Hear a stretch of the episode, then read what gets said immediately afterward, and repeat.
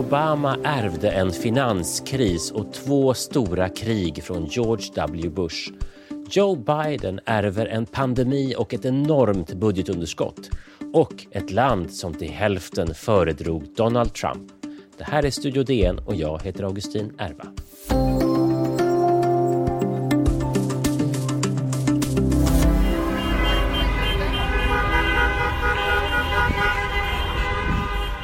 Och där hör vi några amerikanska bilförares reaktion på att vi har ett valresultat. Um, välkommen till Studio DN. Idag ska vi prata om hur det gick i det amerikanska valet. Så här långt i alla fall. Uh, med oss har vi Sanna Thorén Björling i Washington och Karin Eriksson som just kommit tillbaka från Pittsburgh. Uh, välkomna till Studio DN. Tack. Tack. Ska vi börja med det grundläggande?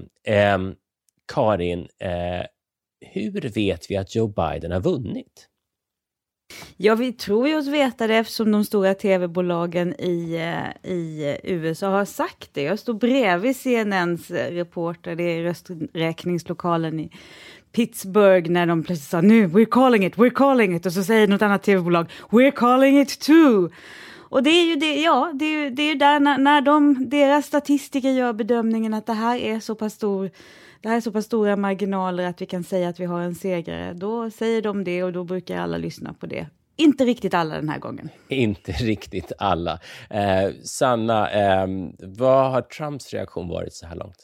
Ja, Trumps reaktion... Eh, tv-bolagen har ju gjort det där eftersom de då eh, lägger ihop alla rösterna och ser att det verkar statistiskt omöjligt, och som Karin sa, att, att för Trump att komma ikapp. Men Trump har ju inte tycker inte att det här är eh, så goda nyheter. Han har inte accepterat valresultatet. Han var ute och spelade golf när det här hände. Eh, det får han en del, faktiskt en del själv för. Jag tycker att det låter som en jättebra grej. Jag tror att jag skulle göra det om jag eh, visste att jag hade förlorat. Då skulle jag ta en promenad i skogen eller sticka och träna något.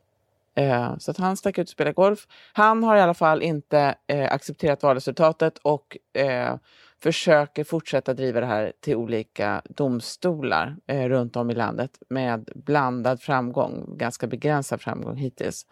Eh, han har inte ringt till Joe Biden. Nej, det enda jag har sett när det gäller de här juridiska framgångarna har varit att istället för att de republikanska eh, de som skulle titta, titta på rösträkningen, istället för att de skulle stå ett visst antal meter bort, så stod de några centimeter närmare eller några, någon halv meter närmare. Det är väl typ det jag har sett. Men eh, den amerikanska drömmen är ju alltid det här att man ska vara som, som eh, Rocky och resa sig på tio. Eh, och ehm, det tycks väl Trump fortfarande tro på. Eh, men Karin, vad säger Trumps eh, republikanska väljare om detta? Nej, jag tyckte det var intressant. Vi, vi pratade ju med, med lite Trump-väljare. Först var vi i stan och, och, mötte de glada liberalerna, men sen ute i bruksorten då, utanför Pittsburgh så säger de så här lite tvångs... Ja, det är ju inte klart än och vi får se vad domstolen säger, men ja, vi ställer oss bakom. Alltså, jag, jag tyckte ändå att, att det jag kände där och som jag känt tidigare, de var rätt förberedda. De har ju, de hade ju, de har ju också sett opinionsmätningarna som i och för sig visar sig överdriva skillnaderna. Men nu kom de tillbaka till vad jag tror att de hade tänkt att de skulle säga på valkvällen, nämligen att det här var de förberedda på. Sen blev rösträkningen med utdragen och, och spännande de hade kunnat tänka sig. Men man märker ju att de var ju, nu är de tillbaka i det läget att de, de räknar med nog en förlust. Och de har rätt klar uppfattning om varför det blev en förlust också. Ja, vad, vad tror de då? Donald Trump borde inte twittra. Han har stått i vägen för sig själv. Han, han, borde inte, han borde inte låta som han är. Han som person har varit skadlig, säger de. Det, det är ju en väldigt stark och vi vet ju att väldigt många av de som röstade på Joe Biden inte tyckte om Donald Trump. Det ser man av de här valundersökningarna till exempel, att de anger i väldigt hög grad eh, personen och antipatin. Jag läste en, en, en, text på Politico, tror jag det var, som hade analyserat varför Trump, Trump förlorade. Och då pekade de ut egentligen två stycken, två stycken avgörande punkter. Och den ena var den första presidentdebatten, att Trump var så fruktansvärt otrevlig i den debatten. Eh, och att, att han stod där och skrek åt en annan person i 90 minuter och man var så här, det här går inte. Och, och den andra punkten som, som eh, och den där, tror jag, den där undrar jag lite grann över, för att eh, det, under Black Lives Matter-demonstrationerna då, då, då, då skedde det någon slags enorm ökning liksom, inom vissa grupper kring liksom, vilka som anmäldes för att de ville rösta. Eh, och men samtidigt så vet man ju att Black Lives Matter mobiliserade också den andra sidan som, som, som liksom sa så här, ah, men vi, så här kan vi inte ha det så. Eh, eh, vad, vad tror ni var liksom de avgörande ehm, eh, punkterna, eh, förutom liksom Trumps twittrande eh, och möjligtvis då liksom debatten? Jag tror att, jag skulle vilja säga att man, man ska inte glömma bort att faktiskt Trump, att han fick fler röster den här gången än förra gången. Om man backar lite så kan man ändå Eh, Joe Biden fick ju flest röster än någon annan har fått hittills. Men Trump fick fler röster eh, i år än vad han fick 2016. Och förra gången var det många av de som röstade på Donald Trump som röstade i själva verket mot Hillary Clinton. Eh, I år visste de precis vad de röstade på eh, och valde verkligen honom. Det var inte en negativ röst. Det var, jag, jag, jag, tror inte att det är så jättemånga som har röstat mot Joe Biden utan de har röstat på Donald Trump. Och att han ändå förlorade, det, det var ju mycket jämnare än vad många, många hade trott. Eh, jag tror att han förlorade för att eh, valdeltagandet ändå var så pass högt och för att det var så många som kom ut på den andra sidan. Och trots gerrymandering och trots eh, de här försöken att trycka ner valdeltagandet så vann Joe Biden. Men han gjorde det verkligen med en hårsmån. Jag ska säga gerrymandering, vi, ska bara säga att, jag ska bara säga att gerrymandering är alltså när man ritar om valdistrikt för att liksom klumpa ihop motståndarna till en hög och sprida ut sina egna så att man liksom får eh, lättare majoritet. Karin? Ja, men då ska vi säga att vad som verkligen har hänt i det här valet, trots allt och på grund av pandemin, är det ju att det har blivit lättare att rösta. Många delstater har infört regler som har förenklat till exempel poströstande, eh, vilket har varit nödvändigt för alla de som haft svårt att rösta i amerikanska val. Det kommer ju att, det syns ju nu i, i valdeltagandet, så det är också ett, ett skäl till att Donald Trump förlorade trots att han fick fler röster än förra gången. För att Joe Biden fick ännu fler därför att det var så många som röstade. Och när Donald Trump är jättearg på poströstandet så är ju en, en, ett svar på det, han har ju rätt därför att det, det är en sån sak som missgynnar honom. Och eh, även om Trump då inte har eh, gjort det traditionella samtalet till Joe Biden där han erkänner sig besegrad och önskar, önskar lycka till så har Joe Biden och eh, Kamala Harris eh, svensk tid i natt eh, pratat till nationen. Kamala eh, pratade, höll ett tal som var, eh, tyckte jag, ganska mycket mer riktat till de som hade röstat på just henne och Joe Biden. Eh, men när Joe Biden kom ut, då lät det så här. Folks, America has always been shaped by inflection points, by moments in time where we've made hard decisions about who we are and what we want to be. Lincoln in 1860, coming to save the Union. FDR in 1932, promising a beleaguered country a new deal. JFK in 1960, pledging a new frontier.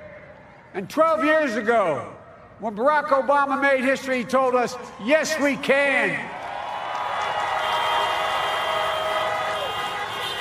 Well, folks, we stand at an inflection point. We have an opportunity to defeat despair, to build a nation of prosperity and purpose.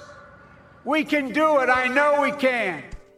Och när vi kommer tillbaka till eh, Studio DN alldeles strax, då ska vi prata om vad som händer framöver.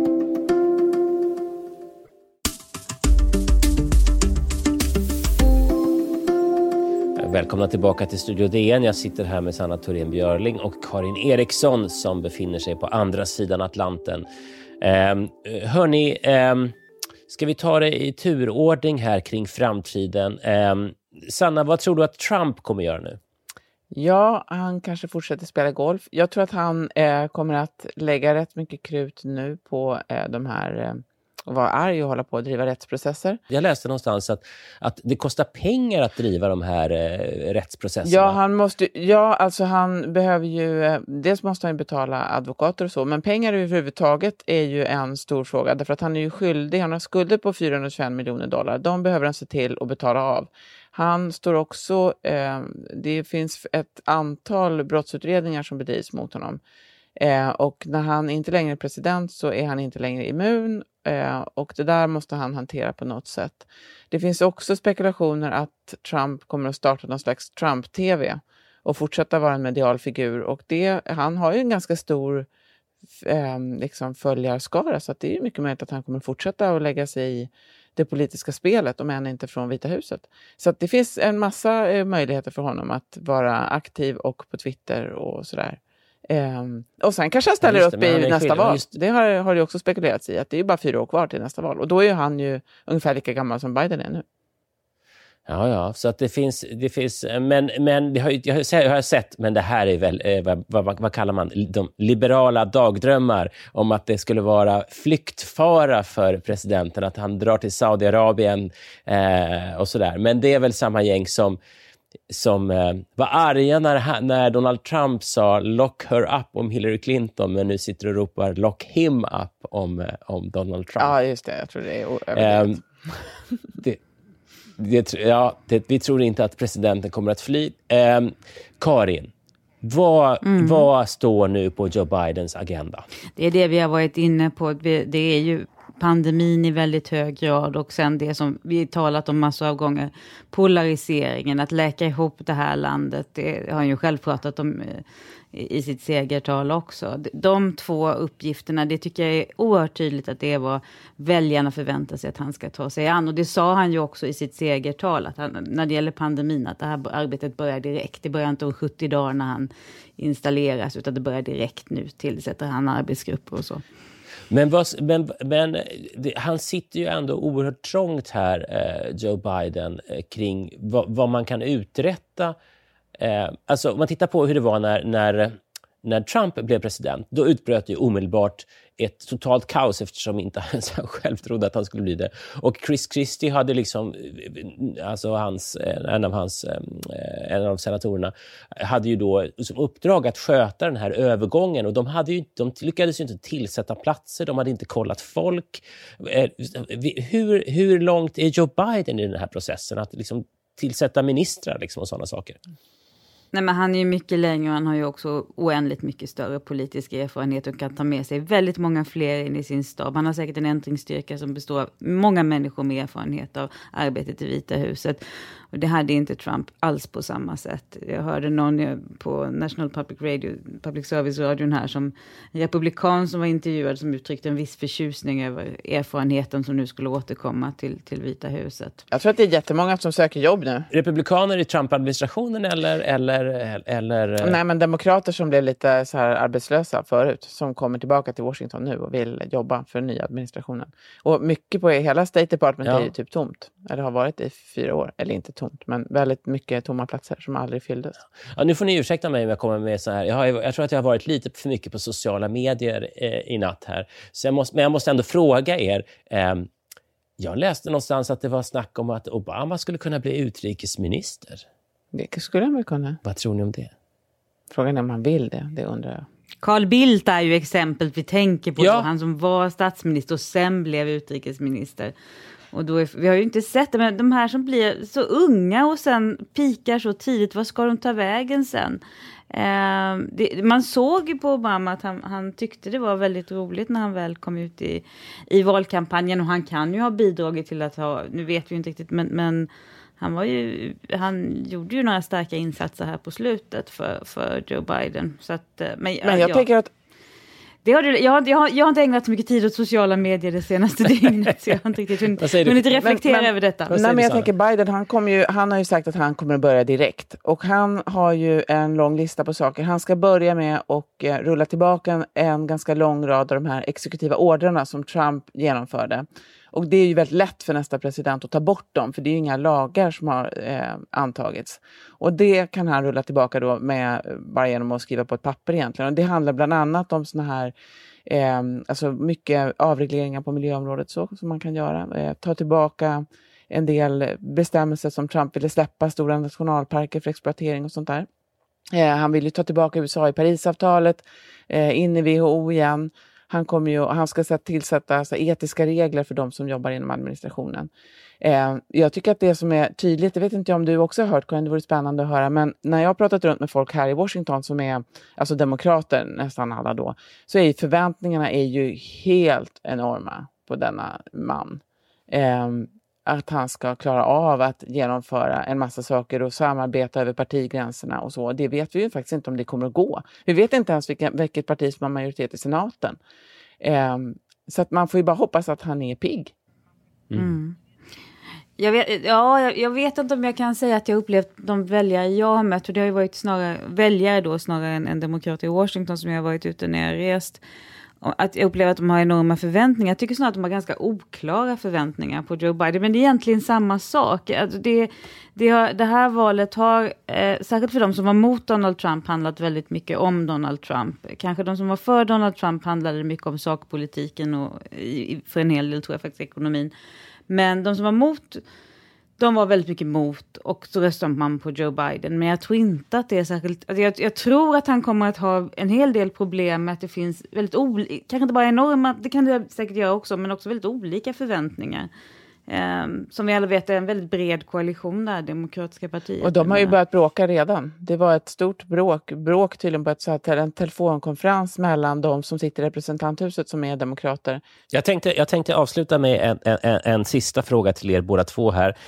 Um, en av sakerna som, som um, uh, den avgående presidenten gör är att personen brukar benåda ehm, eh, folk. Och Det är också saker som den, den, den presidenten som, så att säga, presidentelekten som ska bli president brukar ju också börja med att, att eh, benåda eller liksom inte eh, ge sig på den tidigare presidenten.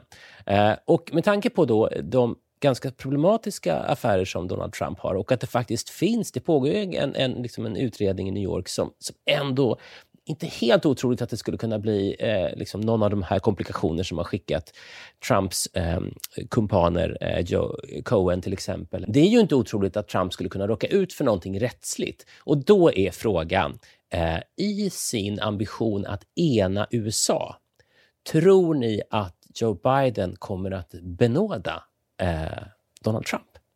Alltså så här, eh, nej, det, jag kan inte svara på det, för jag tycker att Joe Biden har haft en otroligt tydlig strategi gentemot Donald Trump i det här valet och det är att helst låtsas som att han inte finns och det tror jag han kommer att växla upp ännu mer. Jag menar, man såg i debatten, han, han vill inte se på honom, han vill inte nämna hans namn, han vill helst bara glömma att han finns.